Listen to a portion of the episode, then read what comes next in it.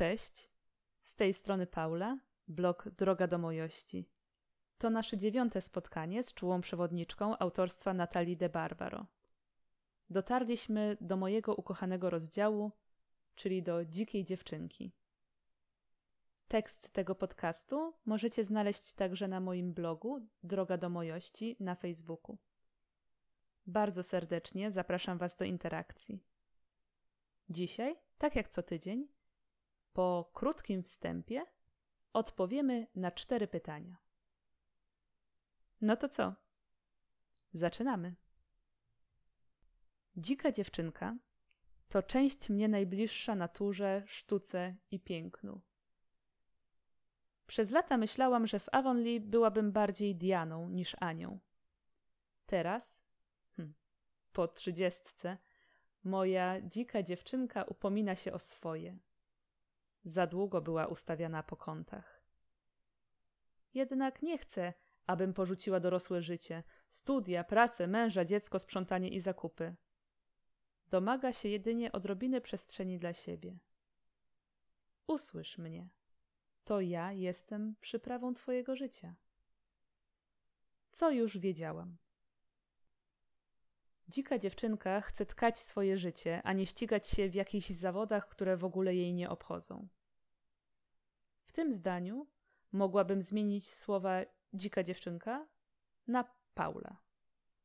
Paula chce tkać swoje życie, a nie ścigać się w jakichś zawodach, które w ogóle jej nie obchodzą. Praca naukowa na Politechnice i doktorat bardzo mnie uwierały, choć jestem dumna, że się obroniłam i że mam ten tytuł. Podobało mi się wymyślanie nowych rzeczy, przerzucanie się pomysłami. Nie podobało mi się wpasowywanie się w ramy, wymogi i struktury. Startowanie w konkursach, zbieranie punktów za publikacje, rozliczenia, sprowadzanie swojej twórczości do rubryczek w Excelu. Liczba konferencji w roku 3, roczna liczba artykułów w czasopismach z listy A 2. Gratulujemy, stypendium dla pani. Dużo bardziej ceniłam sobie pójście do domu opieki społecznej i porozmawianie w trakcie badań z kimś, kto godzinami leżał samotnie w łóżku. Z tyłu głowy miałam jednak to, że po tych kilku godzinach rozmów czeka mnie kilkadziesiąt godzin przed komputerem. W pełnym skupieniu. A to, co włożę do garnka w przyszłym roku, zależeć będzie od Excela. Nie chcę odhaczać kolejnych punktów na czekliście. Gdy czytałam o wyjściu Natalii de Barbaro w koszuli nocnej na ulicę Nowego Jorku, w mojej głowie pojawiła się Carrie Bradshaw. Pamiętam szok i niedowierzanie, gdy seks w wielkim mieście pojawił się w polskiej telewizji. Ta sukienka do tych butów? To może być ciekawie? Nie musi być ładnie? Tak jak wszyscy? Wyjście w koszuli nocnej kojarzyło mi się właśnie z Carrie. Ja mam w swoim otoczeniu takie Carrie i bardzo się z tego cieszę. Są powiewem świeżości w mojej głowie. No dobra, raczej huraganem. Zaabsorbowanie świata mną, a właściwie jego brak, też nie był nowością. Praca nad paulocentryczną teorią wszechświata nie jest łatwa, ale poczucie, że cały świat nie skupia się jednak na tym, jakie buty ubrałam do płaszcza, pomaga wyjść z domu. Co mnie zaskoczyło? Zaskoczyło mnie samo określenie dzika dziewczynka. Gdy je przeczytałam, to poczułam wewnętrzny zachwyt. Jakbym wypuściła z końca rozhasanego szczeniaka. No dzień dobry, nareszcie! Mój wewnętrzny krytyk nie miał szans nawet zareagować. Dzika dziewczynka zaczęła wymieniać wszystkie rzeczy, które są teoretycznie stratą czasu, a dla niej są ważne. Powieśmy tu coś. Tutaj zrobimy kolaż, tutaj kupimy poduszkę, kup zeszyt, ale różowy, taki zgaszony róż. Tutaj zrobimy kompozycję kwiatową, a tu wazonik mosiężny. Chodź potańczyć, pomalujemy tę butelkę? Liczba komunikatów była przytłaczająca, ale też czas spędzony w końcu był zdecydowanie za długi. Jak to było z tą moją dziką dziewczynką do tej pory? Gdy przemyślałam, jak to było w dzieciństwie, to zorientowałam się, że co prawda byłam zachęcana do wielu czynności artystycznych malowania, pisania, wyszywania, zbierania kwiatów, śpiewania, ale to nie było karmienie dzikiej dziewczynki. to było kształtowanie artystki przez wielkie A. Celem tych działań było udowodnienie światu mojej, no właściwie nie do końca mojej, wyjątkowości. Każdy efekt opatrzony był komentarzem, który zbliżyć miał mnie do doskonałości. To, co zaczęłam robić pod wodzą dzikiej dziewczynki, ma wyrąbane na wyjątkowość, doskonałość i cudze zdanie. Dzika dziewczynka chce mojości. Co mnie poruszyło? Poruszyło mnie to, że coś, co postrzegałam w sobie jako perfekcjonizm, stawianie sobie wysoko poprzeczki, to tak naprawdę coś we mnie, co chce się bawić. Każda zmiana koloru ściany, dobór zasłon to wiele godzin rozmów, rozmyślań i kupionych próbników. Do tej pory traktowałam to jak cierpienie. Pamiętacie? To okropne. Słowa, które niedawno padły w czułej przewodniczce. To okropne? Teraz patrzę na możliwość wyboru jednej farby spośród setek i myślę, to zabawne. A dodatkowo, co dla mnie bardzo ważne, to nie musi być ostateczne. Wychowana w olbrzymim szacunku do rzeczy i pieniędzy, zapominam, że ścianę można przemalować, a nawet skuć. Nietrafiony zakup odesłać, nielubianą szafkę sprzedać. Nic nie jest wieczne.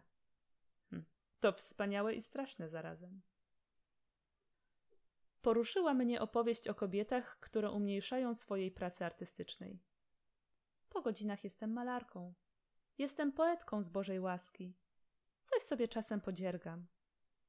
Ja w mojej głowie próbuję być artystką, a śpiewam od siódmego roku życia. Od szesnastu lat uczę się śpiewu, a traktuję siebie dalej jak czeladnika, nie jak artystkę. Kolejną rzeczą w rozdziale jest zdziwianie. Lubię zdziwiać, przekraczać normy, granice. Jednak zawsze w moim zdziwianiu jest tak 51% szaleństwa, 29% królowej śniegu. Co to znowu za debilizm? Zachowuj się. I 20% potulnej.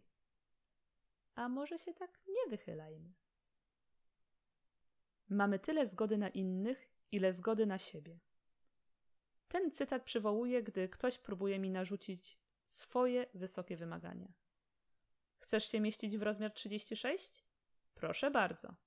Chcesz codziennie odkurzać? Proszę bardzo. Ale ja nie chcę. Choć zawsze starałam się nie narzucać swoich standardów, to czuję, że także ja mam w tej kwestii dużo do zrobienia. Zaskoczyła mnie ostatnio moja wewnętrzna reakcja, gdy przyjaciółka powiedziała mi, że przestanie się farbować. Ale jak to? Taka piękna kobieta? Chyba nie chce wyglądać jak stara baba. A później pomyślałam sobie: najpierw zobacz efekt, a później zostań jeszcze zapytana o zdanie. Poza tym, może będzie wyglądała jak tajemnicza szamanka, a nie stara baba. Definicją egzaltacji, nie lubię tego słowa, ale to dlatego, że kojarzy mi się z dystansem i napuszeniem, jest Przesadne demonstrowanie uczuć. Przesadne demonstrowanie uczuć. Dzika dziewczynka Natalii de Barbaro lubi to słowo i zadaje pytanie o tę przesadność. Kto decyduje, że nasze wyrażanie emocji jest przesadne? Kto uznaje, że pewne kolory do siebie pasują, a inne nie? Czy ktoś powiedział o tym Nikiforowi? Fridzie Kahlo? Afremowowi? A może powiedział to ktoś ludowym meksykańskim artystom malującym płytki? Co jest przesadą? Gdzie są granice? Kto ustala granice emocji, kolorów? Kolejne dwa cytaty. Pierwszy z nich to Światu przeszkadza nasze nad i nasze niedość. Oraz drugi cytat. Cudza swoboda może drażnić tego, komu jest w życiu ciasno. Bardzo poruszyło mnie to, że dzika dziewczynka nie zawsze jest wesoła. Wypuszczenie jej z klatki nie wiąże się z bezkresem radości i szaleństwa. Ona też jest czasem smutna. Też czasem potrzebuje przytulenia. Jest dziewczynką. Potrzebuje opieki. Z jakim pytaniem pozostaje? Kiedy w swojej głowie zostanę artystką? Co się musi wydarzyć? Czemu potrzebuję tego, aby ktoś mnie artystką nazwał? Czemu tak trudno mi nazwać się tak samą? Drugą rzeczą, nad którą chciałabym się zastanowić, to to, że w moim otoczeniu jest kobieta, która ubiera się raz jak kurtyzana, ładnie mówiąc, a raz jak zakonnica, a czasem jak to i to. Często w głowie krytykuję jej styl. Może pora przestać? Może ona znalazła swoją dziką dziewczynkę wcześniej niż ja? Hmm. A co u was? Mam nadzieję, że bawiliście się z dziką dziewczynką równie dobrze jak ja. Mam nadzieję, że wypuściliście ją z tego kojca czy tam klatki i nigdy więcej jej nie zamkniecie, nie zapomnicie o niej. Za tydzień przedostatni rozdział tej książki, Czułej Przewodniczki, rozdział od królowej śniegu do dorosłej. Ściskam Was bardzo serdecznie. Do usłyszenia. Paula.